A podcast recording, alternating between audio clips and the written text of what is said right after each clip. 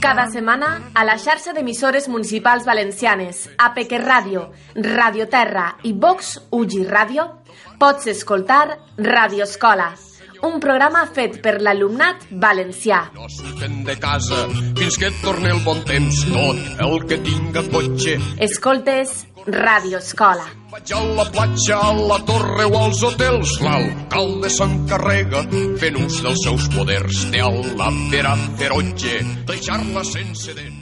Per tal de cloure la temporada, avui encetem un programa que abraçarà el treball realitzat per un equip de persones que ha fet possible la visibilització de Ràdio Escola arreu el conjunt de trobades agudes durant aquesta primavera. Hem procurat reflectir aquesta mena de programes una realitat propiciada per la Federació d'Associacions per la Llengua, Escola Valenciana, animadora d'un model d'ensenyament plurilingüe i multicultural. Així és, un model que s'ajusta a les realitats del país en què vivim, un model que es basa en el coneixement de les diferents cultures que conviuen al País Valencià i en construcció, en la construcció de la igualtat lingüística. Però com bé anar a pams i donem pas tot seguit al programa que clou aquest periple per dotzena i mitja de pobles, viles i ciutats que han albergat les trobades d'escoles en valencià d'enguany.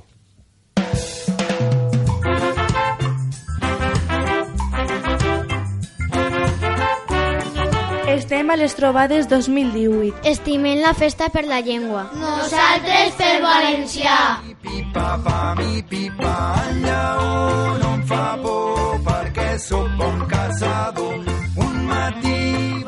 En realitat, aquesta aventura radiofònica comença en el mateix moment en què la Federació Escola Valenciana va coordinar les trobades que tindrien lloc durant el 2018. No era difícil connectar les trobades d'enguany amb el projecte que la Federació porta endavant durant els darrers tres anys i que es coneix sota el nom genèric de Radio Escola. Així les coses i davant el precedent viscut l'any passat enguany no podia ser menys i és per això que es pensà amb un equip de joves periodistes per fer-ho possible. És en aquest moment en què en què entra en xoc una persona a qui tenim una gran estima i que ens ha servit de referent durant els darrers anys. Es tracta de ni més ni menys del periodista i mestre Sequi Castellano, que tant procura per aquest i per altres projectes radiofònics valencians. El tenim als nostres estudis i no podem per menys que preguntar-li per tot aquest tinglau que has bueno, muntat. Bueno, tinglau, tinglau cap ni un, eh? Es tractava de, de conjuminar Radioescola amb les trobades i el que van pensar a l'equip de Radioescola va ser com poder-ho fer. I, I tan punt vam disposar del calendari de trobades estudiarem la forma i manera i ens posarem en marxa. Sí, però enguany hi havia 19 trobades i, clar, les mans de Radio Escola Sequi són limitades. Sí, clar, però la imaginació i els recursos estan per, per poder fer possible qualsevol repte.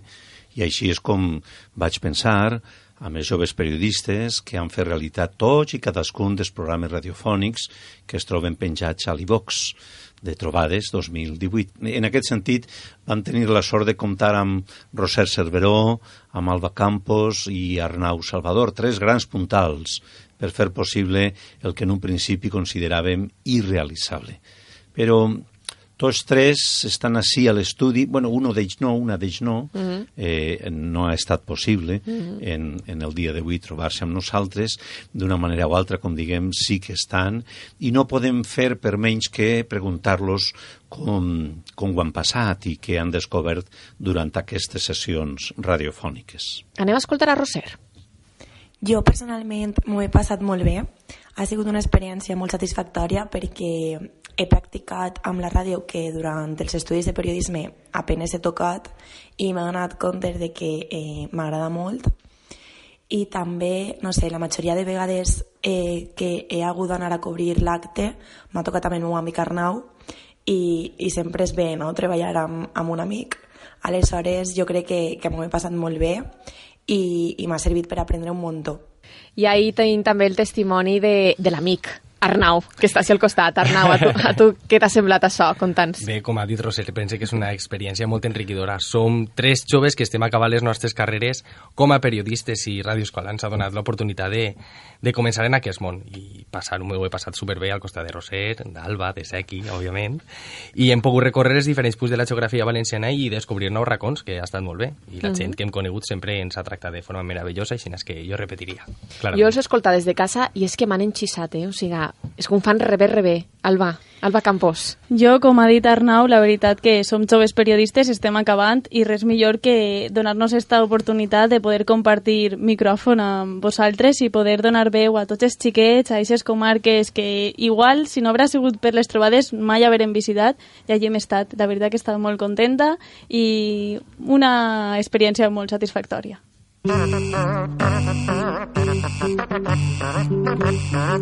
Cada setmana, a la xarxa d'emissores municipals valencianes, APQ Ràdio, Radio Terra i Vox Ugi Ràdio, pots escoltar Radio Escola, un programa fet per l'alumnat valencià. No surten de casa fins que et torni el bon temps. Tot el que tinga cotxe Escoltes Ràdio. Però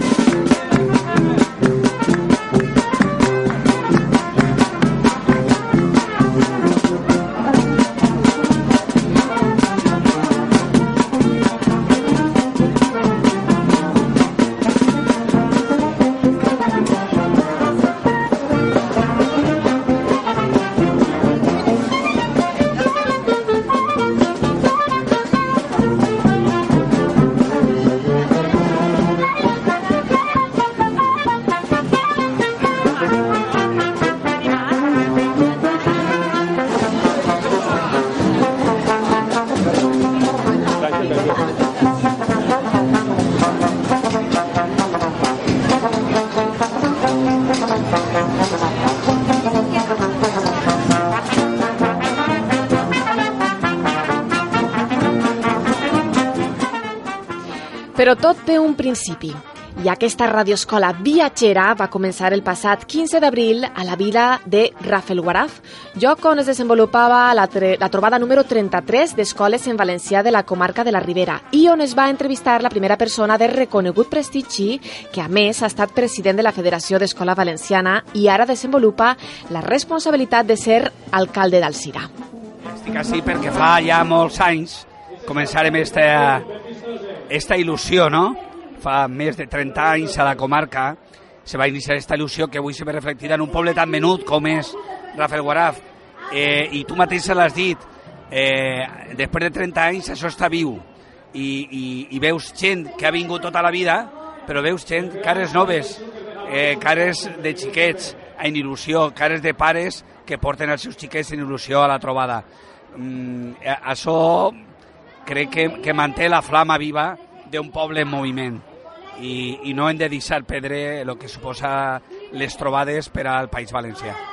És esta mena de trobada, en l'ampli sentit de la paraula, un lloc en el que coincidiu els nostres representants de diverses sensibilitats polítiques. Això és interessant. És interessant el tema, és a dir, per exemple, ara veníem parlant en diferents alcaldes, tant de Compromís com del PSOE, com del Partit Popular, eh, venia parlant en l'alcalde de, de Gavarda, que diu que és del Partit Popular, me deia, Diego, què he de fer jo per aportar al, al meu poble la trobada? I pues, molt fàcilment, és a dir, tu un poble menut, un poble que, que s'identifica en el valencià, per què no hem de superar per damunt dels partits polítics i de les consciències i de la visió i les estratègies polítiques en fer, perquè el valencià lo hem dit sempre, és de tots i és de totes, i hem de sumar. Con lo qual, nosaltres, com diu el lema d'enguany de, les, de, de les trobades, nosaltres estem per el valencià, però quan diguem nosaltres, diguem tots i totes. Con lo qual jo crec que el que avui estiguen així representants de tots els partits polítics, de totes les institucions, consellers, el president de l'Escola, el president de la Diputació, etc. Quasi se me va la, la veu de tanta gent que hi ha. Bueno, pues el, el tema és important, la, la, la visió d'unitat que ha de tindre el tema de la llengua. I en aquests moments que estan, tant està ploguent i tant està creant-se conflictes per el tema de la llengua, eh, jo crec que la necessitat d'estar així i de reflectir que nosaltres estem per el valencià a la Ribera i al país, això crec que dignifica d'alguna forma tota la tasca que se fa des de les escoles, des dels centres educatius, que fan els pares, que fan les associacions, i dignifica la visió i el treball que ha fet tot un poble com el de Rafael Guarà per a rebre a la trobada. Crec que hem de continuar tenint moltes trobades. Per què? Perquè Escola Valenciana es dignifica com a poble i crec que aquesta és la visió que ha tingut sempre i que jo he cregut sempre en Escola Valenciana. Efectivament, Escola Valenciana planteja el valencià com la llengua que dona accés al coneixement i ajuda a aprendre altres llengües. Però a més d'això, el conseller d'Economia de la Generalitat Valenciana, Vicent Soler, va ser un dels primers que va desvelar un dels secrets que tenen les trobades. L'èxit de les escoles, l'èxit d'aquestes trobades, és la unitat. Haurien de ser molt horitzontals, eh, molt inclusius, perquè el tema del valencià no ha de ser de cap, de cap partit polític, ha de ser de la ciutat valenciana, d'una ciutat que veu que la seva llengua té dret a existir i que té dret a tindre futur. I això s'ha de fer en tots els àmbits de la vida, però sobretot en l'escola, en el moment propici per a que sí que puguen ser plurilingües, siguen, sabien totes les llengües que puguen i sobretot la pròpia, la, la valenciana. D'una manera o altra, els representants polítics valencians s'han trobat a una o altra trobada de les que s'han desenvolupat en guany. Alcaldes i alcaldesses, diputats i diputades, consellers i conselleres, fins i tot el molt honorable president de la Generalitat Valenciana han acudit a les trobades d'enguany. Aquestes són les declaracions que feia davant dels micròfons de Radioscola el diputat a les Corts Generals, Joan Baldoví.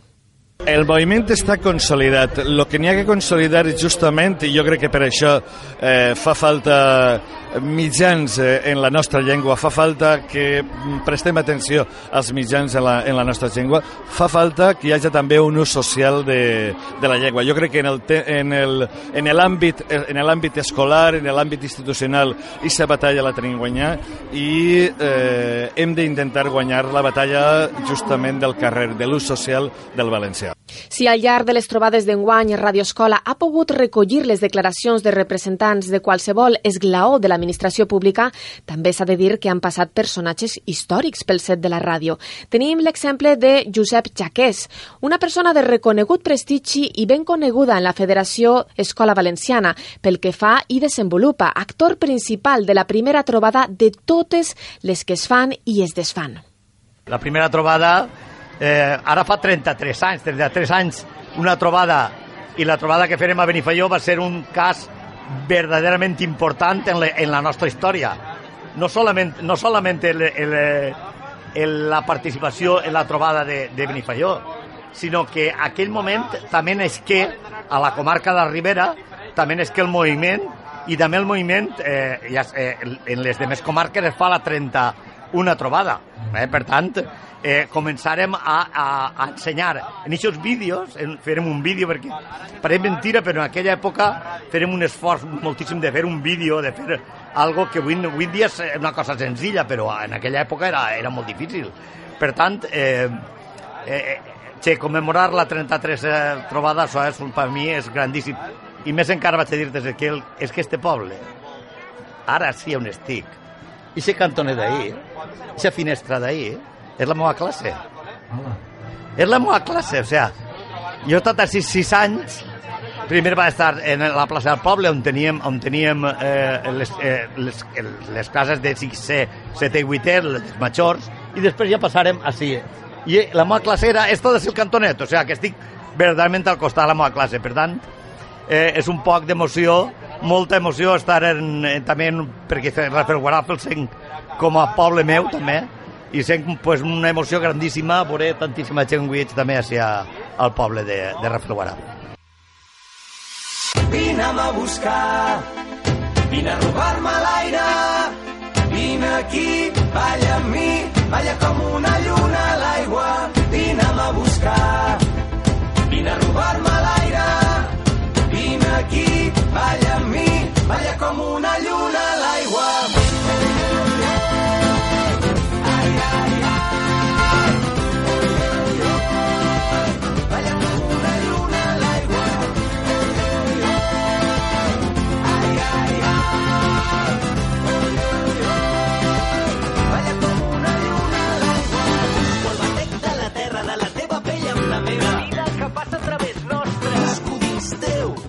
Els vaixells enfonsats dels dies. Busco la clau del teu regne amb les cançons. Vull descobrir-te amb tot el cos. Arribar-te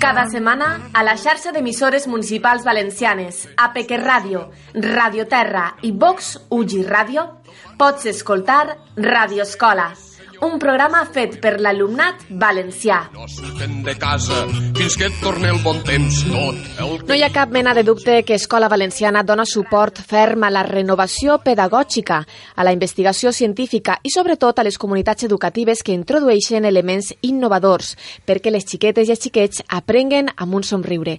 Bona prova d'això se substancia a les trobades que any rere any es desenvolupen arreu les comarques valencianes, alcaldes i alcaldesses desvanits per acollir la, acollir la gentada que sempre arrossega una trobada, qualsevol de les trobades que enguany s'han realitzat. Així ho mostrava l'alcaldessa d'Alcalalí en directe. A veure, energia molta, però si es fa en ganes i en il·lusió no és un esforç, o sigui, és una festa i és una alegria per a, per a tots i ho han fet amb moltes ganes. Quina importància creus que té encara avui fer una festa com les trobades per l'ús i promoció del valencià? Bueno, pues pense que, que és important i seguirà sent important la nostra llengua, o sigui, fent, fer una festa com aquesta on, on està present una escola pública, una escola en valencià i, i la interculturalitat i, i, i unir veure els nostres carrers plens de, de, de, de, de totes les escoles de la comarca i, i no sé, per a mi sí que segueix sent important i era, és... Les trobades mostren el ric teixit que és capaç de mostrar l'ensenyament en el seu conjunt, professorat, alumnat i mares i pares d'alumnes, però també de la societat que li fa de matalàs i que propicia aquesta activitat de goig i gaudi. Gràcies a les trobades, el món editorial, les associacions culturals, musicals, esportives, folclòriques, totes posen el seu granet de sorra per acompanyar l'esforç del món educatiu valencià. Gràcies a les trobades hem pogut entrevistar part d'eixe teixit tan ric de la nostra societat. Una bona mostra d'això l'exemplifica l'entrevista mantinguda amb Àngel Mascarell. Nosaltres som la colla de cabuts eh, i llidoner d'Ador i ens dediquem a ballar dansa tra tradicional valenciana. Vos criden de mos llocs? Sí, pues justament este any és un any on uh, actuem en mogolló de llocs. De fet, avui estem així i demà actuem en el Xalònia, en Xaló. És complicat recuperar els balls antics? Pues no és que siga complicat. Eh, la veritat és que eh, no, so, ja, no és només els cabuts, és la música, perquè si us doneu compte, així hem tocat cançons típiques del poble, com, com la Jota d'Ador i una cançó que ens van fer nosaltres que es diu Cabuix d'Ador. S'inverteixen eh, moltes hores en assajar? Pues sí, la veritat que sí. La, la, totes les setmanes tenim que assajar un poquet. I com és possible agrupar a gent de tan diverses edats en un mateix grup? Pues la veritat és que vam començar... Bueno, van recuperar els cabuts, perquè els cabuts estos tenen més de 35 anys de vida, i els van recuperar aproximadament fa 5 anys. Un grup de 6 o 7 persones que es van treure i a poc a poc ha anat agregant-se gent, ha anat agregant-se gent, i nosaltres ens dona igual que n'hi hagi més edat o menys, o menys edat. És fàcil fer que els més menuts s'interessen per els balls tradicionals valencians? Fàcil no, és difícil, és difícil, perquè si ho dones compte no, no és que siguem molt joves, i només fem, el que volem és que s'integren en el grup gent jove. De fet, l'escola, així, la Mortera, té també un grup de cabuts i volem que el dia mà estos xiquets vinguen i, i formen part del nostre grup. En aquesta mateixa línia trobem part de l'entrevista feta a Alacant a Aquiles Rubio, que ens fa un cèntim sobre la colla que representa. Hola, bon dia. Pues la colla Corball som un grup de cultura popular de l'Alacantí que des de fa any i mig, des de juliol de 2016, doncs treballem en, en la comarca de l'Alacantí doncs per difondre alguns elements de la cultura popular. Eh, concretament, el ball de bastons, que se ballen a Alacant des, de, des del segle XVII. Tenim documentada des de 1661 la dansa de bastonets en, en la processó del Corpus i després pues, fem muixarangues també, seguim la tradició valenciana d'alçar torres humanes i també incorporem un altre, un altre fe cultural que són els falcons, no? que és un fe cultural del segle XX i per tant combinem en les nostres actuacions i en els nostres tallers pues, esta mostra de cultura popular. Eh, va vestit el eh, nostre amic Aquiles eh, amb una brusa blanca preciosa, sembla de lli, o similar, no? És de lli. Així és. Eh, una faixa de colors eh, rojos, verds i grocs. Bé, nosaltres portem faixes negres i, i roges i jo m'he posat un mocador del Kurdistan pues, per a recordar la lluita de tots els pobles oprimits. I a les mans porta dos bastons. Així és. Sí, bé, en, amb els quals ballem, els acompanyem també de, de cascabels per a donar-li més sonoritat també al nostre ball.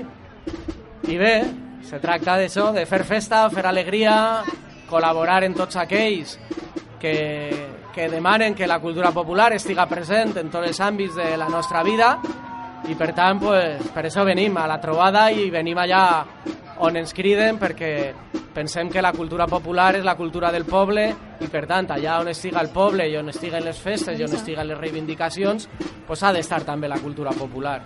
Efectivament, grups de danses, de nanos, de cabuts i de gegants, de muixerangues, de xotes i balls populars, de dolçaines i tabals, bandes de música, han estat el paisatge sonor de gran part de les trobades d'enguany. S'ha de dir, però, que fins i tot han hagut trobades que han procurat compondre alguna cançó o alguna jota a tocadeta exclusiva. Tenim l'exemple de Monover.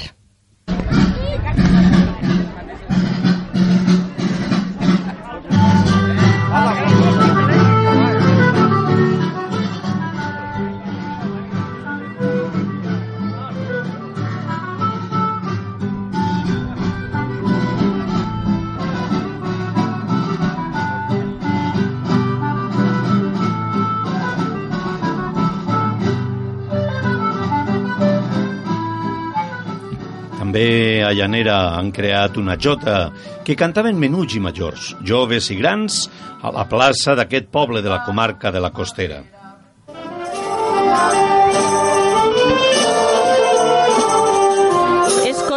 Ara una interpretació en directe de la Xota de la Trobada amb un arranjament fet a propòsit pel compositor Òscar Calatayud Gómez, que és qui està dirigint ara mateix aquesta Xota de la Trobada. La lletra l'ha fet Sari Martínez Navalón, acompanyada per la Unió Musical de Llanera, i els cants cantarà a continuació l'alumnat que forma el CRA La Costereta.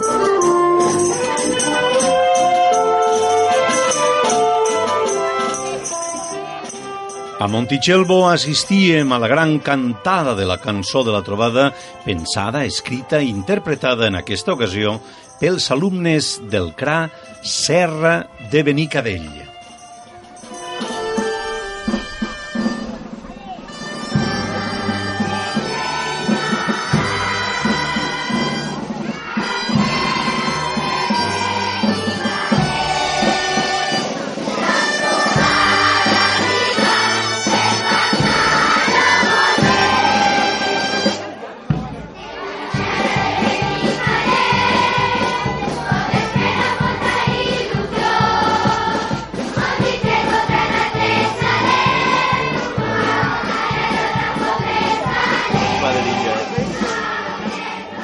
Altre exemple d'himne de la trobada l'hem escoltat a Torrent de l'Horta, on, amb lletra de Paqui Fuentes i música de Miguel Molina, estigué molt difós i interpretat per les escoles, instituts i centres educatius de la comarca de l'Horta.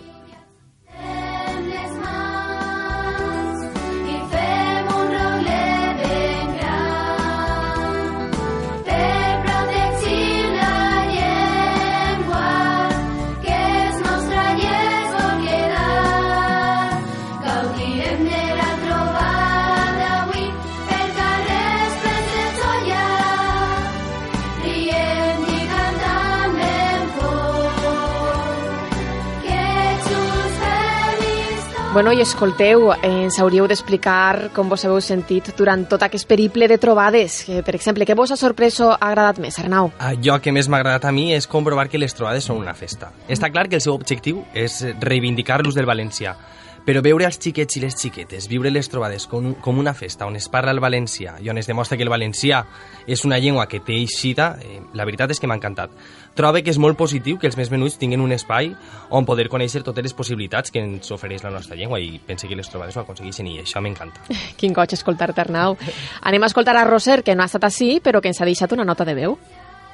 La veritat és que l'experiència en Radio Escola ha sigut superbona i el que més m'ha agradat és eh, no sé, recórrer tots els pobles de, del nostre territori, que la veritat és que he descobert alguns que ni coneixia, i veure la quantitat de gent que, que s'apropa a, a gaudir de la festa i a promoure la nostra llengua, el valencià. La veritat és que és el que més m'ha agradat i, com no, pues, eh, practicar el que és eh, l'ofici del periodista eh, a través de Radio Escola és una de les coses que més m'ha agradat. I qui també ha practicat l'ofici de periodista és Alba Campos. Sí, l'hem practicat i allò que més m'ha sorprès és conèixer de primera mà totes les vessants que tenim al nostre territori, com són les costums, com es parla a cada comarca, com viu la gent també, i tot acompanyat d'aixes cares de felicitat que ja di Arnau, que els xiquets ho viuen com una festa, una verdadera festa. Jo me sorprenia un dissabte de vesprada que millor que eixir amb els teus companys, amb els teus amics i anar als pobles a disfrutar de les trobades. Veritat, i sé aquí, sé aquí. Nosaltres ja sabem que més fan que tu no n'hi ha ningú, però, però encara aixina volem saber-ho. Doncs mira, a mi el que més m'ha sorprès ha estat um, la gran vitalitat d'Escola de, Valenciana i de la magnífica organització comarcal existent arreu del País Valencià. Amb estructures d'aquestes característiques i, i l'empenta del professorat del nostre país, doncs resulta difícil que facin recular el sentiment de poble que les trobades aporten.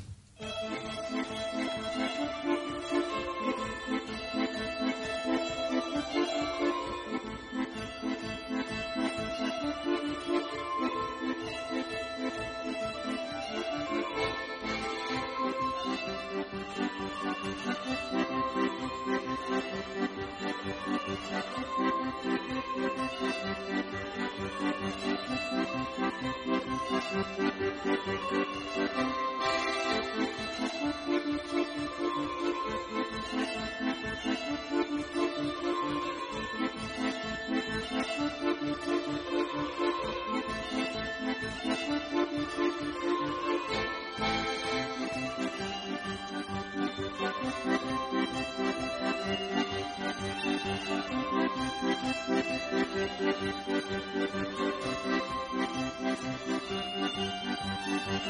you.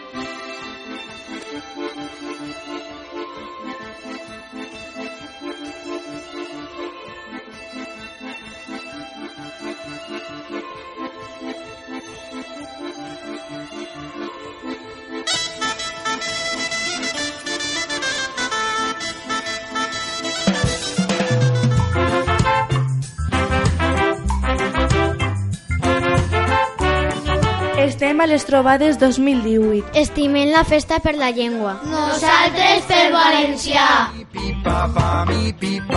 No hi ha cap mena de dubte que a les trobades d'escoles en valencià es posa de manifest la necessitat d'educar en valors d'amistat, de convivència, d'igualtat, de pau, de solidaritat, d'ecologia. Les persones que fan possible aquesta realitat pretenen avançar cap a una societat de ment oberta, més humanitzada, que ha d'interioritzar tots els coneixements per fer el món més just. De fet, així ho, ha deixat, ho han deixat dit els representants de l'Acadèmia Valenciana de la Llengua que hem entrevistat, així com els que portaven la representació de les universitats valencianes. Aquesta és l'opinió d'Alexandre Peretó, representant de la Universitat d'Alacant, de qui vam recollir la seva opinió a la trobada d'Alcalalí. Home, eh, algo fonamental que és eh, donar suport a aquesta activitat eh, tan important per a la, la, la, la vertebració i el, i el futur de, del, del nostre poble. Eh, abans comentava amb els companys que, que jo era un d'aixòs xiquets fa 30 anys que, que recorria aquests carrers dels pobles que, que participaven en les trobades i, i ara estic així com a representant de la Universitat d'Alacant. Aquesta tasca de vertebració i de conscienciació i d'involucrar els, els xiquets en, en, en uh, uns valors com basats en, el, en la llengua i en el poble són fonamentals per anar construint futur, ja que aquests xiquets seran el que els dia de demà ocupen eh, els càrrecs de, de, de, la, de la societat del demà i treballen per seguir creixent i seguir vertebrant. Uns valors que estan implantats a l'Universitat d'Alacant. Com es treballa des de l'universitat per promocionar i potenciar l'ús de la nostra llengua? La Universitat d'Alacant, eh, mitjançant el vicerrectorat de, de Cultura i Esports, eh, i les seus universitàries, és el vicerrectorat responsable de les seus universitàries i tenim eh, seus universitàries per, eh, per als mu diferents municipis de, de, de, tota, de totes les comarques que componen la província d'Alacant. Concretament a la comarca de la Marina Alta tenim, tenim dos seus universitàries, la seu de la Marina de Benissa i la seu de Dènia, de la qual jo sóc eh, director. Aquestes seus eh, són una ferramenta fonamental per a mitjançant la realització d'activitats eh, on la, el valencià és eh, la, la llengua vehicular de les activitats, de les exposicions, dels congressos. Donem a conèixer que, que, que el valencià no és només una llengua de casa, ja, ja fa molts anys i, i molt de temps que és una llengua per a, de, de ponències, d'investigacions, i, i, i és una llengua per a tot.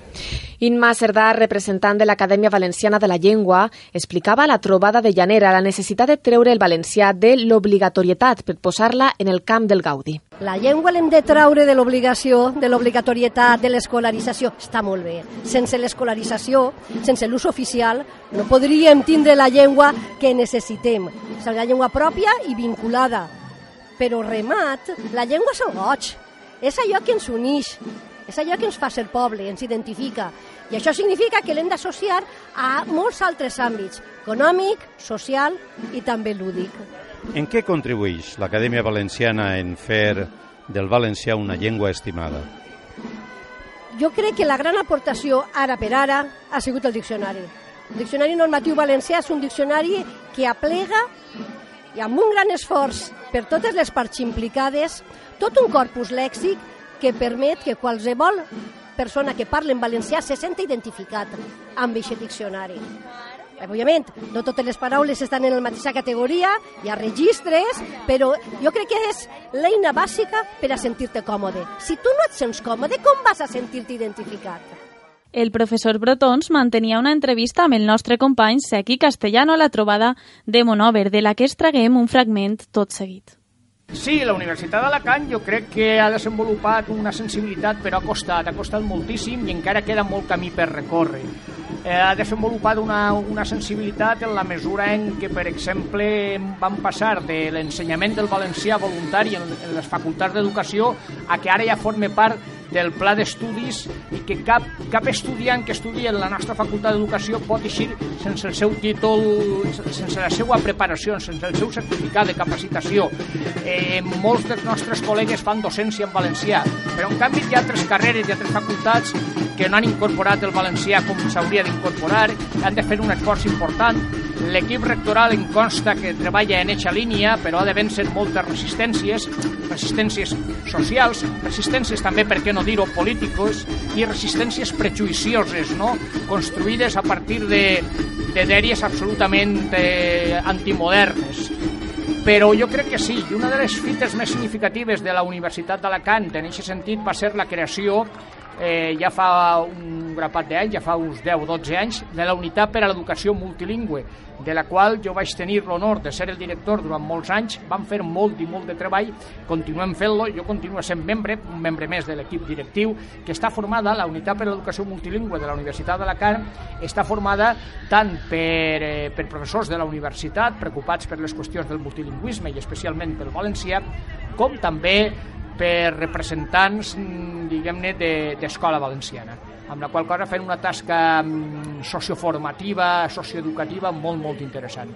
No ens podia faltar l'opinió de la Universitat Jaume I de Castelló i a la trobada de Vilanova d'Alcolea, la degana de la Facultat de Ciències Humanes i Socials, Rosa Agost. I a la facultat sempre ens ha preocupat absolutament tot, perquè és una facultat transversal. Jo sempre explique que és la facultat eh, que fa de base per a l'existència i, i el sentit de les altres. Nosaltres eh, ens preocupa les persones, ens preocupa l'educació, ens preocupa les llengües, ens preocupa la comunicació i ahir això és transversal. Eh, L'educació és fonamental. Nosaltres tenim els estudis de mestre d'infantil, de primària i també el màster de secundària.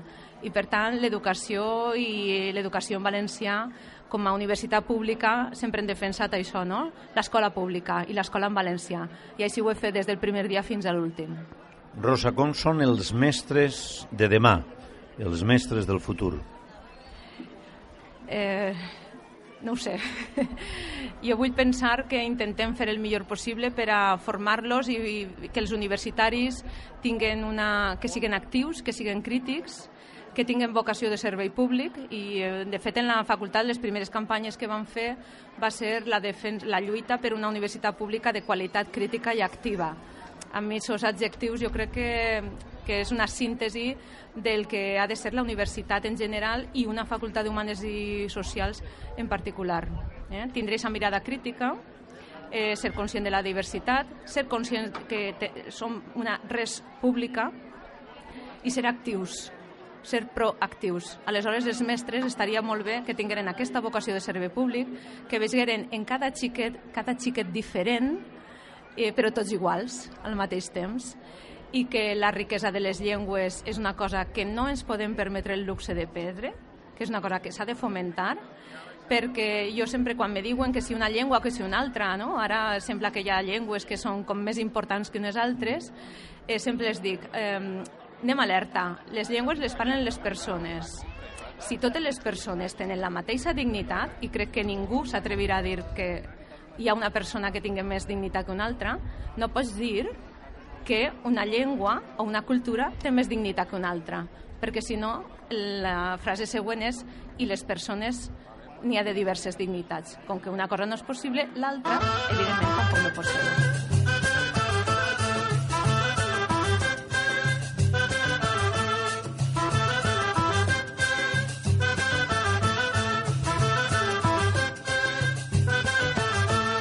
Sobte un abisme. Plou i l'aigua no mulla, de sobte un abisme, paregut al no-res, de sobte un abisme, un soroll tot es trenca, de sobte un abisme, cata, cata, cata.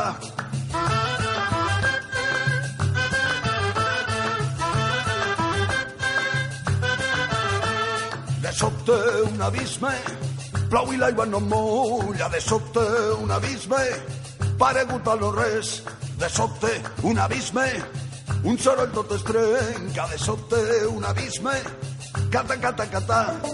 Ai, ai, ai, ai, ai, cau i l'aigua no mulla, ai, ai, ai, ai, ai, quina por que fa.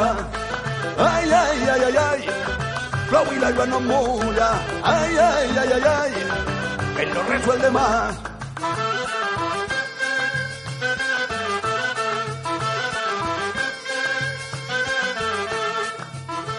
Amb el lema Nosaltres pel valencià s'han celebrat trobades a Rafelguaraf, Alcalalí, Alfara del Patriarca, Elx, la Vall d'Uixó... Monover, Sant Vicent del Raspeig, Alacant... Castellaro Liberal, Vejís... Ador i Palma... Vilanova d'Alcolea...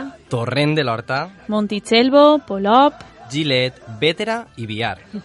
Tot un riu de persones per celebrar la dignitat del poble valencià, mantenint ben viu el llegat del gran pensador de Sueca, Joan Fuster, un gran humanista que influí i ho continua fent de forma determinant en la geografia política del nostre país. No hi ha cap mena de dubte que les trobades aprofiten per despertar consciències i enguany, a més d'això, polítics, gent de la cultura i de la universitat les han pogut veure a través de les gruixudes ulleres del falcó de Sueca i les han interpretat d'aquesta manera. Així s'expressava el president de l'Acadèmia Valenciana de la Llengua, Ramon Ferrer. La celebració de les trobades és algo fonamental perquè se veu com el poble viu i, per tant, aquest sentiment és algo que se va prolongant en el temps. Si no tinguem les trobades, tindríem que inventar-les fixa't una cosa molt clara, que n'hi ha una comunió total entre els organitzadors, l'Escola Valenciana, i el poble. Eh? No n'hi ha, així no se porten bocadillos per als que vienen, per als que venen, no se porten autobusos, sinó que naix del cor, naix de la realitat. Per tant, són fonamentals. Igualment tenia paraules encoratjadores el professor Vicent Pitarch, membre de l'IEC i reconegut investigador valencià, amb què vam tenir el goig d'entrevistar a la trobada de Vilanova d'Alcolea. Bé, no solament és interessant, sinó que una de les pedres cantoneres més importants que són les que han salvat el país és l'Escola Valenciana. Això estic fartíssim de, de dir-ho en públic, en privat, i imprès i oral i per tots els mitjans possibles. I en concret, el que és la festa per la llengua, que encara té una altra dimensió, si vols, home, més atractiva. Bueno, és el mateix. És treure també l'escola obertament al carrer. Ja sé que Escola Valenciana està projecta al carrer i al país, això podíem fer, no? Però en concret la festa per la llengua encara més, perquè participin d'una manera molt més immediata. Ja no solament pares i mares, naturalment el professorat i l'alumnat, sinó tot el, tot el poble i a més tota la, la rodalia. I això no solament té un encant especial, sinó que a més constitueix un fenomen únic, no sé si a tota Europa, però com a mínim a tota la península ibèrica sí.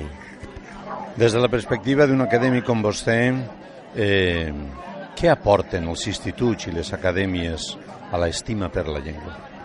L'institut i les acadèmies, ah, els instituts vols dir com a institucions, no, a mi, aporten allò que es diu el donar-li, eh, el mantenir un rigor en allò que podria ser en el que és el registre culte de la llengua en el que és el, la llengua viva, real, autèntica, la llengua viva, que és la, la que compta, doncs som un element més de la societat, vull dir, el que aporta és el poble parlant, continuant, continuant parlant. Però som al segle XXI i, per tant, totes les llengües necessiten d'uns codis com és unificats millor, uns codis funcionals, uns codis que siguin aptes perquè la llengua funcione per internet, funcione per les televisions, funcione per tot el ciberespai i, naturalment, per tota la cultura tradicional i en aquest sentit les institucions eh, són considerades com a elements bàsics, fonamentals. I el que fem precisament és recollir tota la llengua viva i intentar buscar aquells elements d'aquella llengua viva que siguin més unitaris, més funcionals, més homogenitzadors. I això és la feina que, que crec que fem, o almenys la que hauríem de fer. Crec que la fem.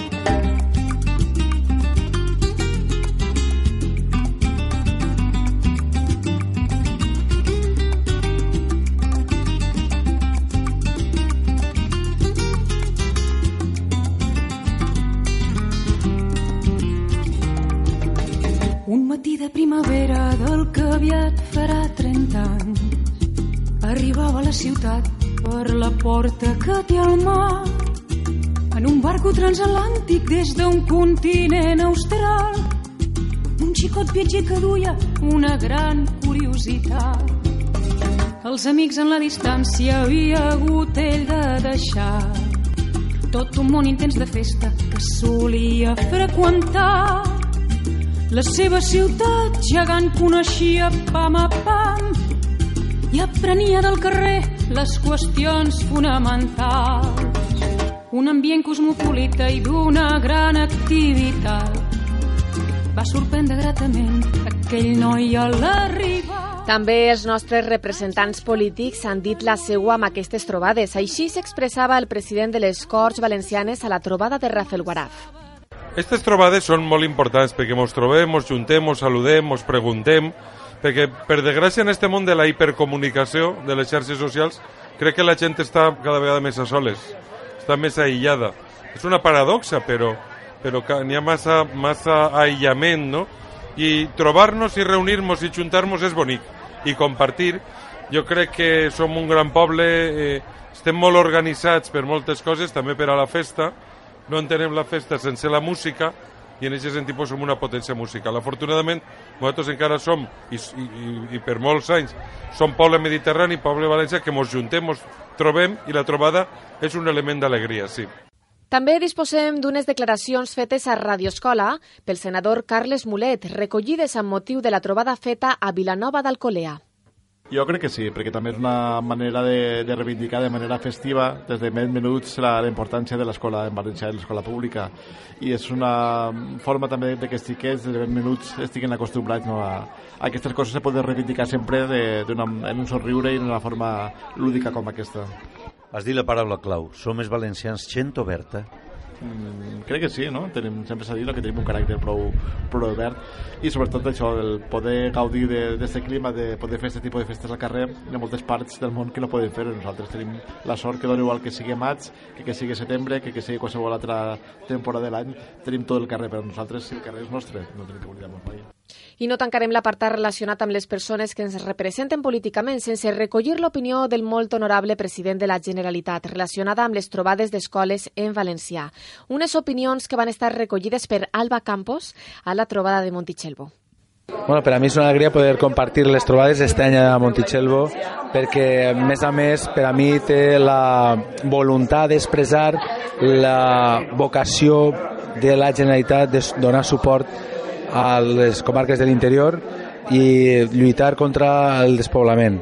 Eh, la nostra cultura, la nostra llengua té molt que veure en els nostres pobles té molt que veure en les nostres comarques de l'interior i per tant el futur del valencià també està lligat al futur de les comarques de l'interior.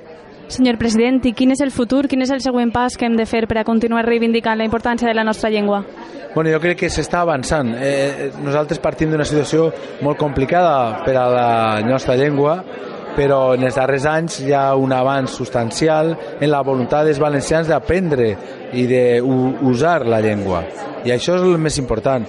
Jo crec que la llengua és un, una part fonamental de la nostra cultura i no es tracta de fer un problema de la llengua, sinó tot el contrari. Tenim la sort de tindre una llengua pròpia i això eh, ha de ser sempre un valor perquè és una part fonamental i central de la nostra cultura.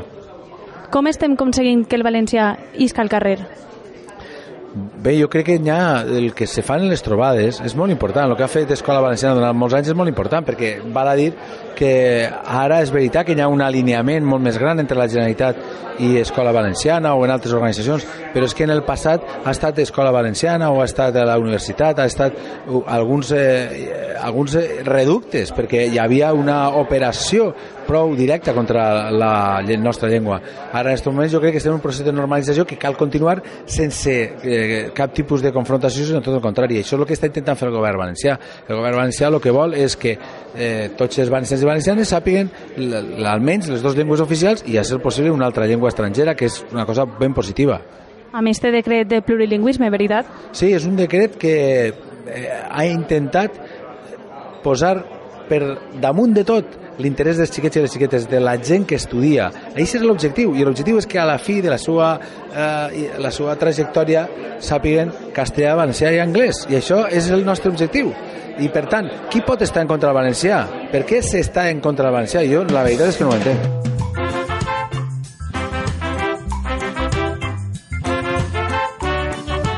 Estem a les trobades 2018. Estimem la festa per la llengua. Nosaltres per valencià.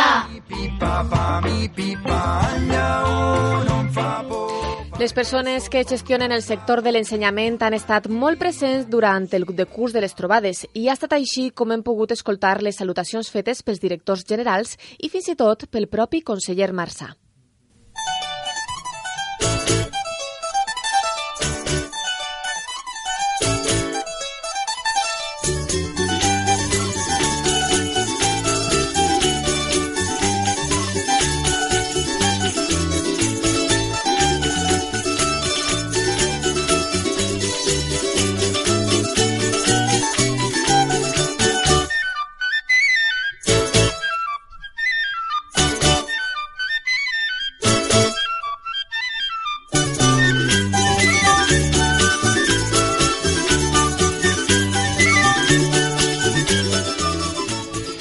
La trobada de Vilanova d'Alcolea, el company Sequi Castellano va tenir l'oportunitat d'entrevistar el conseller Marçà, entrevista de la qual reproduïm un fragment com a màxim responsable de la institució educativa volia estar al costat precisament per a donar suport, per a donar suport als mestres i professors, al professorat que treballa dia a dia en els centres educatius i que malauradament hi ha qui el vol assenyalar, qui vol arraconar-lo eh, per simple fet d'estar ajudant els nostres xiquets i xiquetes a pensar lliurement, a ser crítics, a ser feliços, que és el que han de fer. I nosaltres volem donar-los suport perquè sabem que estan fent una grandíssima tasca i per això crec que és important que la pròpia institució, que siga la Generalitat Valenciana la que estigui a les trobades, que estigui al costat d'una entitat com Escola Valenciana, que treballa anys i anys eh, sempre per la nostra llengua, pel nostre, per la nostra educació i que durant molt de temps han estat sempre donant-li l'esquena. Per això volíem estar que la pròpia institució estiguera al costat de la gent que treballa dia a dia en els nostres centres educatius.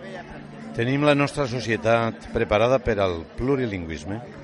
Doncs estem fent passos. Jo crec que la societat està molt més preparada que alguns partits polítics. De fet, eh, les passes que ha donat la mateixa societat amb total normalitat eh, estan eh, refermant que sí, que estem preparats, que la gent s'estima les llengües, que vol aprendre llengües, posant al mig, posant al centre de l'aprenentatge de llengües la nostra llengua, el valencià, que ens obri les portes a la resta de llengües. I precisament per això el que volem és que els nostres xiquets i xiquetes tinguin el seu dret a l'aprenentatge de llengües, el seu dret a la igualtat d'oportunitats garantit, aprenent el valencià, aprenent el castellà i aprenent l'anglès. I a partir d'ahir, la resta de llengües del món, que són totes precioses.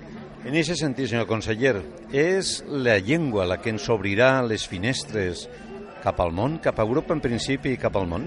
Sí, i tant. És la millor manera de poder arribar a tota, a tota la gent. No? Eh, si parles la llengua d'un altre, no només li arribes als pensaments, sinó que també li arribes al cor. No? I precisament per això nosaltres el que volem és que aquesta capacitat de comunicació que tenen les llengües que s'utilitzi, que es deixi d'utilitzar per a llançar-nos-les uns als altres, sinó que s'exisca per a construir ponts mil vegades, les mil vegades que faci falta, per a connectar-nos les persones, per a comunicar-nos i, evidentment, partint de la nostra llengua, que és igual de preciosa, igual de necessària i igual de rica que les altres i precisament nosaltres som els que l'hem de posar en valor. Amb quines ulleres hem de veure l'ensenyament d'avui, l'ensenyament del futur? Doncs amb les ulleres de la transformació, eh, la transformació educativa, la renovació pedagògica. Els centres educatius estan fent una grandíssima tasca.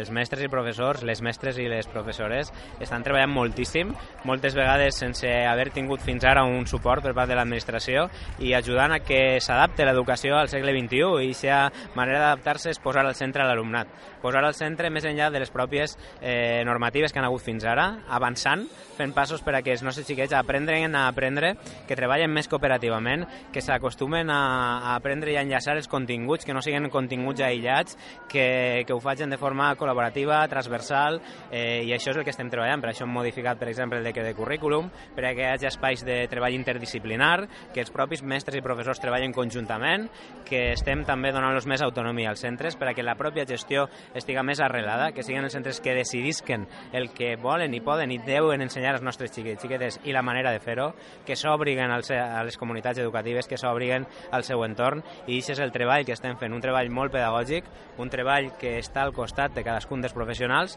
i que estem segurs que serà un treball que donarà fruits molt a llarg termini i que ja es veu en alguns centres educatius la immensa majoria del País Valencià. Una última qüestió. Algun dia tindrem la llei valenciana d'educació? Sí, i tant. I, de fet, és el marc que ens ajudarà també a aquest eh, trencament respecte a aquesta normativa més, eh, més del passat i que ens limita molt. Eh, encara tenim moltes limitacions que no compartim, que hem demanat que es deroguen al Ministeri, com les, el decret de les retallades, el que, el que impedeix eh, poder cobrir totes les places que nosaltres voldríem. Hem avançat molt. Estem cobrint les places de substitucions en 9 dies de mitjana, com vam arribar estàvem quasi en 24 dies, per tant ja hem avançat molt, però volem avançar més i la llei ha de ser un mecanisme també per a, per a poder anar eh, avançant en aquest sentit que dèiem, un sentit molt pedagògic i sempre tenint al centre els nostres xiquets i xiquetes.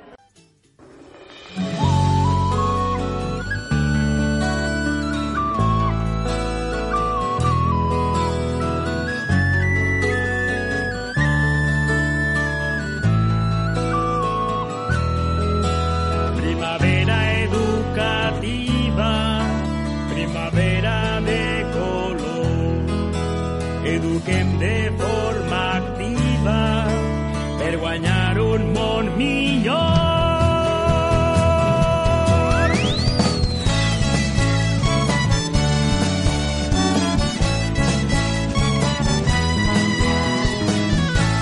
Les trobades enguany s'han desenvolupat sota l'ombra dels 35 anys de la llei d'ús d'ensenyament en valencià i per això que una i mil vegades s'ha subratllat la necessitat que la nostra llengua dispose d'una situació de normalitat. Durant aquestes trobades hem coincidit moltes vegades amb el que fins ara ha estat el president d'Escola Valenciana, Vicent Moreno, i d'entre totes elles destaquem unes opinions que donen prova de la preocupació de la Federació d'Associacions per la Llengua Escola Valenciana i dels seus projectes de futur.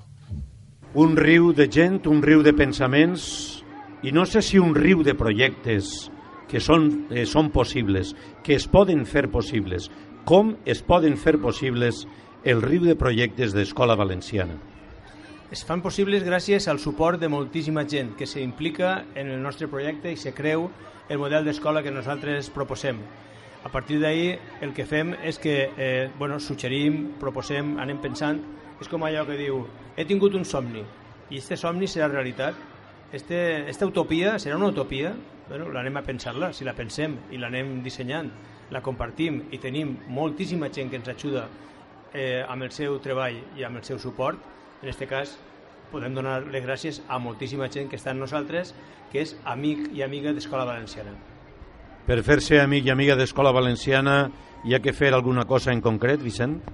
Molt senzill, entrar a la pàgina web d'Escola Valenciana, clicar allí en la pàgina en l'apartat d'amics i bueno, pues, eh, inscriure's, inscriure's i a partir d'ell arriba la informació.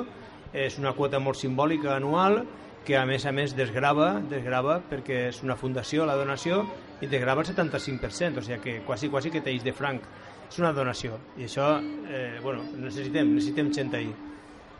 Eh, Vicent Moreno, no sé si us sentiu eh, recolzats amb aquesta gent, en aquestes propostes que van circulant per el país. Deneu propostes diferents. Us sentiu amb força per a continuar seguir endavant? Sí, sempre, sempre. I més ara, ara que, estem, eh, que se veu com estem tinguent el suport de moltíssima gent que ens acompanya i que any rere any ve, encara que sí que li se facin grans o que ja no tinga xiquets, xicotets, venen perquè saben que aquesta festa és una festa lúdica, reivindicativa, és escolar, però al mateix temps dona suport a la continuïtat de que el valencià estigui present. Duguem 35 anys de la llei d'ús, que complirà en guany, i no estem encara en una situació de normalitat. Esperem que bueno, que tinguem endavant, o sigui que sí, jo crec que sí que podem. Cal demanar ja definitivament el requisit lingüístic per als nostres funcionaris. Sí, això és un punt que li recordem al govern, que se l'apunta en l'agenda, sabem que és difícil, és un govern compartit, que tenen que decidir, però nosaltres sempre tenim eixe puntet que ens falta. Estem caminant i este punt ens falta. Qualsevol funcionari que treballi en el País Valencià, depenga de l'administració que depenga, ha de tirar endavant i ha de tenir la capacitació lingüística corresponent en valencià. De fet, tenen coneixement de valencià. Jo crec que el govern ha de repensar-se-ho, ha de veure que és fàcil i que eh, ho demana des del principi, des de la posició. Què ens falta fer per fer una escola valenciana valenciana? Ens falta fer que la llei de plurilingüisme que acabem d'aprovar ara mateixa eh, fa poc de temps, eh, des del mes de febrer, la llei de, de plurilingüisme que estiga en marxa, que se vagi implantant com, com està marcat en el calendari i que arribi a la seva implantació i que, a més a més, els centres entenguen el projecte educatiu de tirar endavant que les llengües s'aprenen una darrere l'altra, però començant per valencià arribarem a les altres.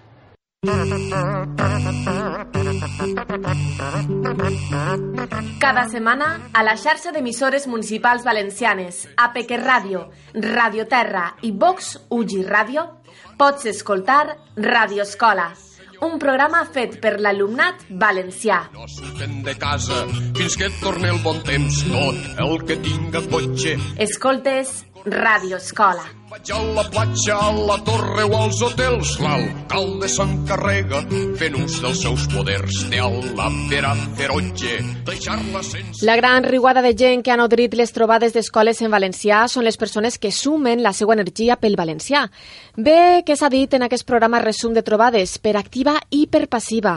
Educar pel valencià és estar a favor del plurilingüisme, dels mestres que ensenyen el valencià i altres llengües i cultures, des de l'estima. Abraçar aquesta filosofia és posar-se del cantó de la multiculturalitat, de l'educació participativa i democràtica, de l'ensenyament que transmet el coneixement científic. Del cantó d'una educació més humana i humanitzada, de la que afavoreix el benestar emocional de les xiquetes i els xiquets. D'una educació que encoratja a resoldre conflictes i anima a les persones a ser més felices. D'això va la cosa. Ja sabeu, satisfets, Arnau, Alba, Roser des de la distància, Sequi, eh, per haver fet les entrevistes a esta gent coneguda, què?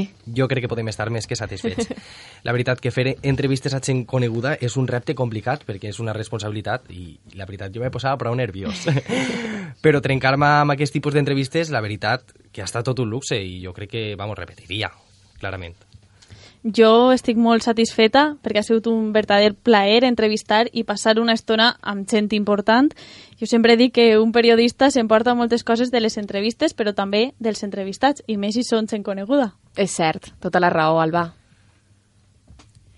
Jo em sento orgullosa d'haver pogut entrevistar a gent coneguda. En el meu cas, recorde entrevistar a Vicent Marça, junt a Marnau, i al conseller d'Hisenda Miquel Soler també i la veritat és que és un orgull perquè jo en el dia a dia a classe em fiquen notícies sobre ells, sobre les polítiques que duen en marxa i tal i no sé, poder entrevistar-lo és com jo, és superbé i, i la veritat és que molt bé, a part és gent encantadora que sempre està ben dispostos a contestar-nos i no sé, l'experiència ha sigut molt satisfactòria. Gràcies, Roser. La veritat és que és entranyable escoltar-la, eh? I tant. I sé aquí, per a tu, què significa continuar, continuar entrevistant a, a gent, no?, de d'aquesta...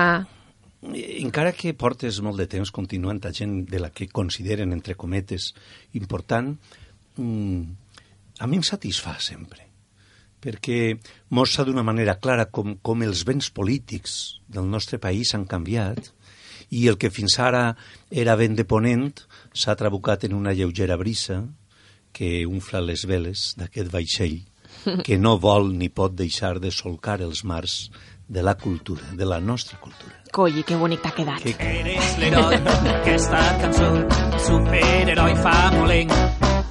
No tens poders, falta una dent, la capa és el súper del cantó més prop. Sense antifàs, combat el dolor i amb un somriure les penes del cor.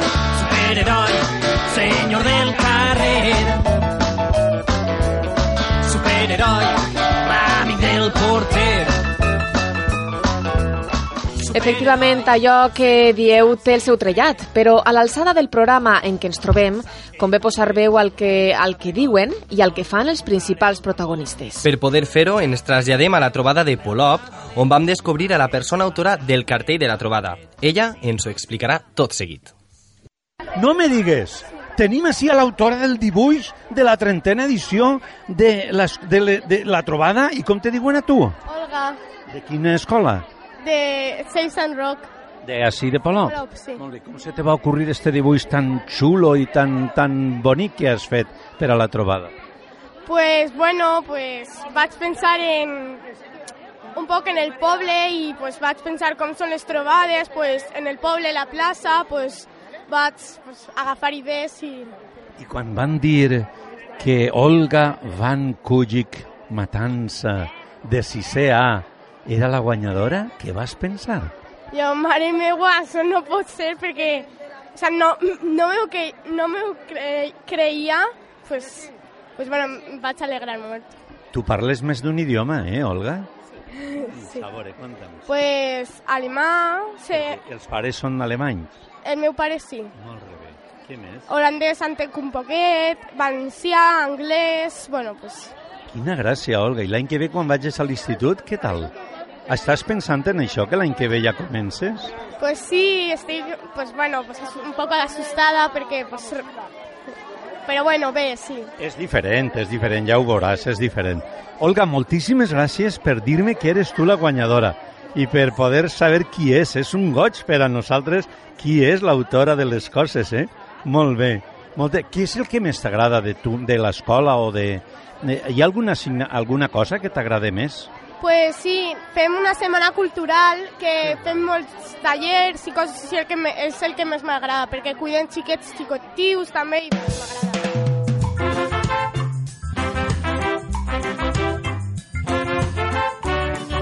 Estem a les trobades 2018. Estimem la festa per la llengua. Nosaltres pel valencià.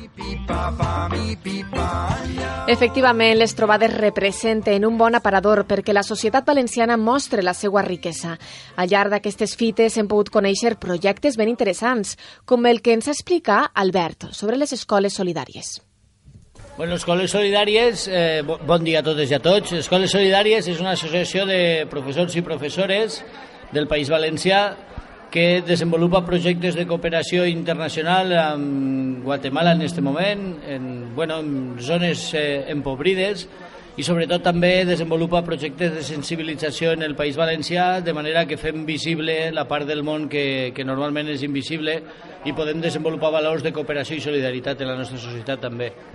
Hem vist que a la vostra paradeta hi ha una muntanya de llibres. Expliqueu per què teniu ahí tants llibres.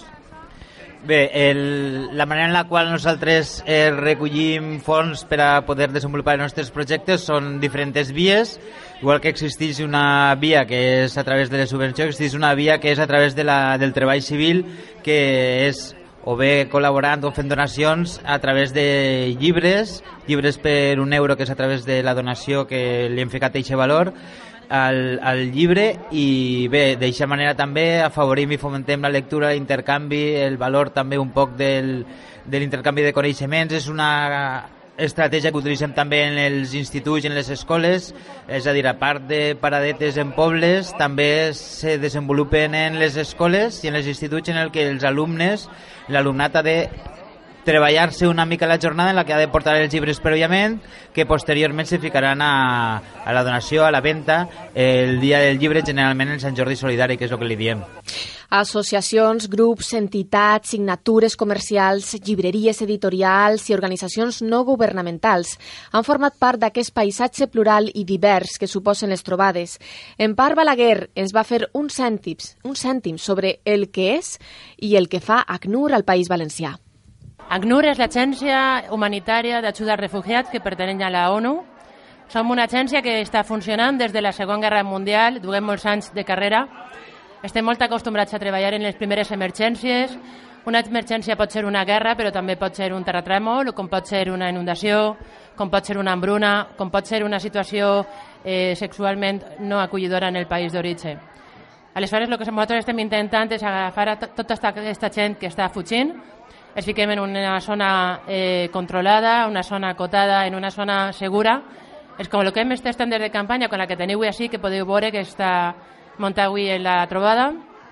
Intentem que aquesta gent tinga, sobretot, protecció a nivell jurídic, a nivell alimentari i a nivell eh, de, de tot tipus. O sea, una persona que ve a un campament d'ACNUR és una persona molt dèbil en, en un principi i el que donem és menjar, atenció sanitària, educació molt important per xiquets, perquè la majoria de les persones que viuen en un campament de refugiats tenen una, un mínim de vida de 17 anys. O sigui, una persona refugiada de 17 anys en un campament vol dir eh, que són massa anys per estar sense educació i sense tindre res més més que sols una tenda de campanya. I això volem fer nosaltres, intentar que vingueu així, que col·laboreu, perquè entre tots la cosa se du millor. Tenim 65 milions de raons per poder ajudar a l'ACNUR, som 65 milions de veus ara mateix parlant per la meua i volem que entre tots tireu una maneta i mos feu la cosa molt millor. La veritat és que no ha hagut cap trobada en què les nostres editorials no hagin estat presents i ens explica aquesta raó Juli Capilla i Mercè Climent, de l'editorial Lletra Impresa. Eh, aquesta és una festa per la nostra llengua, per les escoles públiques en valencià, laiques, i venim sempre a compartir eh, aquesta festa amb, amb tota la gent. Heu portat heu portat tota la casa. Doncs sí, eh, ho tenim tot així a la taula. No som una editorial molt gran, som jovens, però tenim tota la il·lusió i hem vingut amb, els, amb històries, amb contes, novel·les, eh, per a pintar, tot per als xiquets, sobretot. Molt bé, està molt enfeinada la Merche per així, escrivint, no sé què cosa escriu, però està posant coses. Merche, què contes? Què fas així en Polop, una xica d'allà, d'allà, d'allà? Doncs estem així mostrant un poquet el que estem fent a Gandia, no, els nostres llibres, per a mostrar-los a la, a la gent de Polop, no? perquè són llibres que fan país.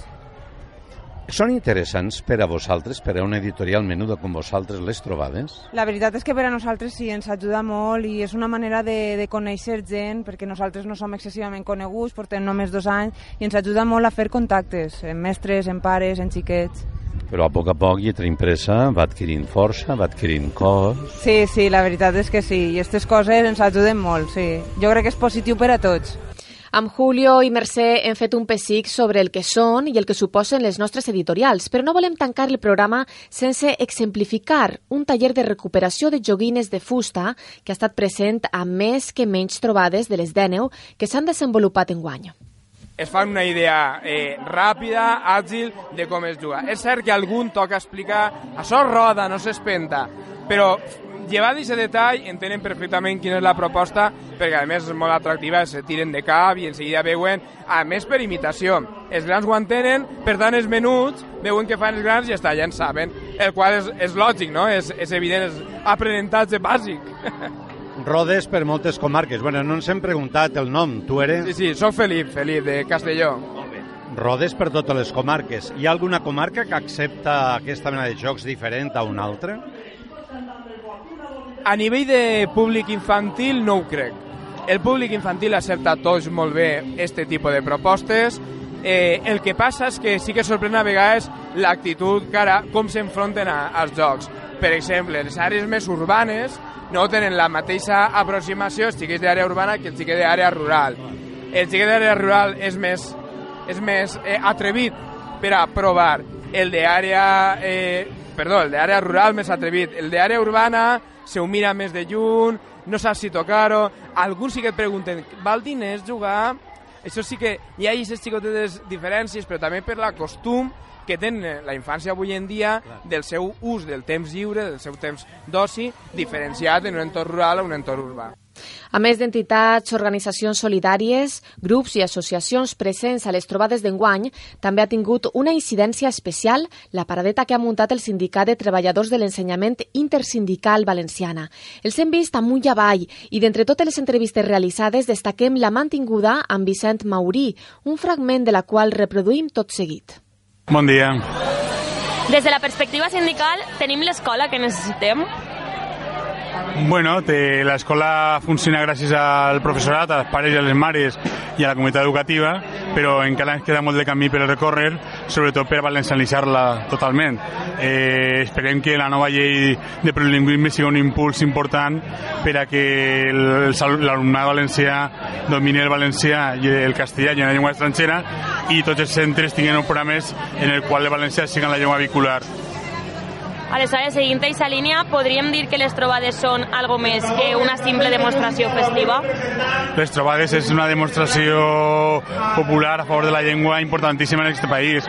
És un fenomen social eh, molt gran i gràcies a la trobada i gràcies a l'Escola Valenciana hem avançat molt en el país en, el, en la llengua queda molt per fer, i, però no tenim ningú dubte que l'Escola Valenciana continuarà fent la feina que ha fet fins ara i servirà per a avançar en el tant per cent que és baix en aquest moment que fa ensenyament en valencià. I per què costa tant fer entendre que el valencià obri portes? Bueno, perquè és un instrument eh, polític per part de la dreta social, mediàtica i educativa que no entén que eh, un país que té una llengua pròpia és un país molt, molt més ric que un país uniforme eh, i per tant des d'aquest punt de vista la utilització de, la, de valencià com un instrument polític fa que no s'avance que pensem que cal superar aquesta etapa pensem que hi ha instruments suficients per a superar-la però esperem que el, que s'avance i que se trenqui totalment aquesta situació d'acoso o d'assistament a la llengua. El calidescopi viscut en guany a les trobades ha superat amb escreix qualsevol a priorisme. S'han viscut 19 trobades.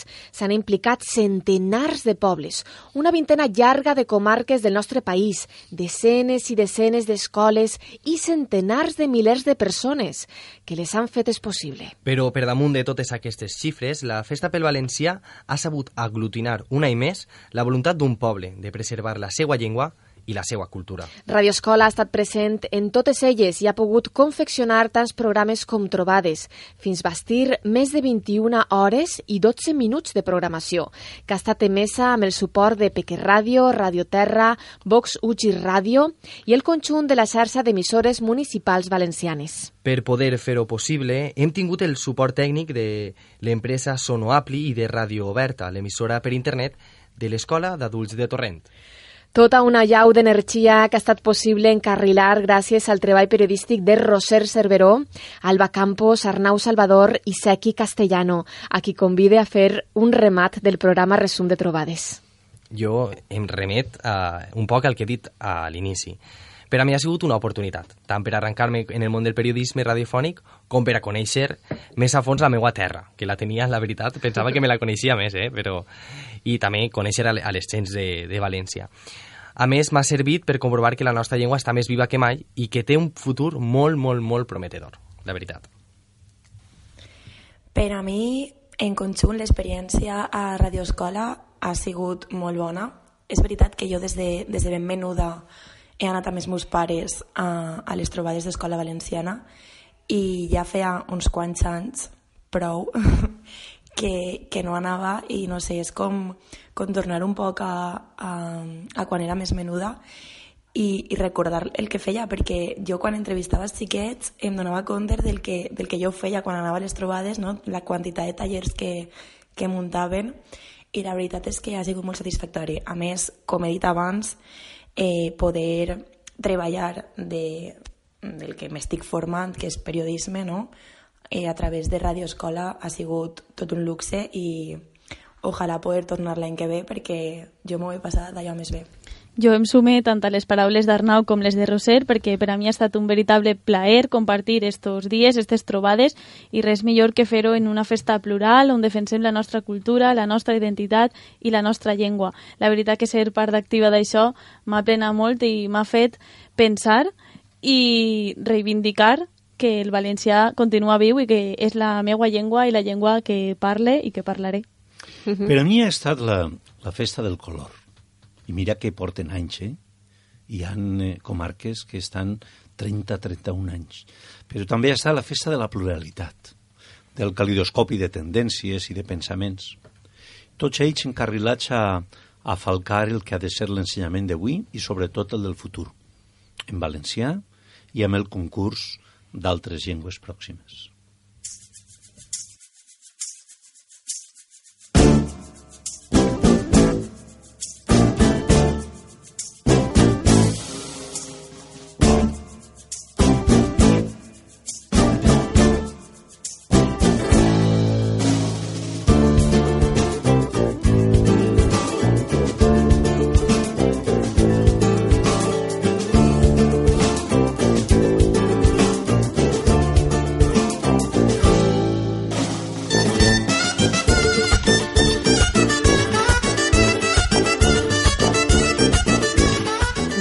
Estalviaré cap preocupació afegida en dir-los que al programa d'avui hem fet una selecció de veus, d'opinions i de realitats. Una xicoteta mostra d'aquestes 21 hores i escaig radiofònic. Per nosaltres res més, tanquem aquest programa especial que ha estat possible gràcies al treball tècnic i d'enregistrament del Cira Ràdio, emissora gràcies a la qual s'ha pogut materialitzar aquest programa resum.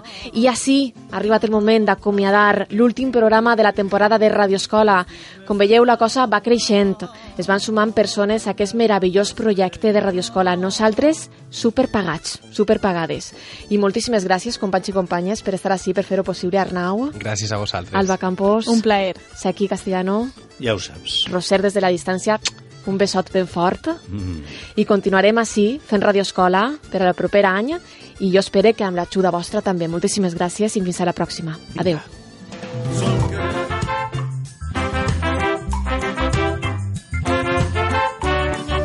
Estem a les trobades 2018. Estimem la festa per la llengua. Nosaltres pel valencià. Pipa fa mi pipa, lleó no em fa por perquè sóc bon caçador. Un matí vaig així mi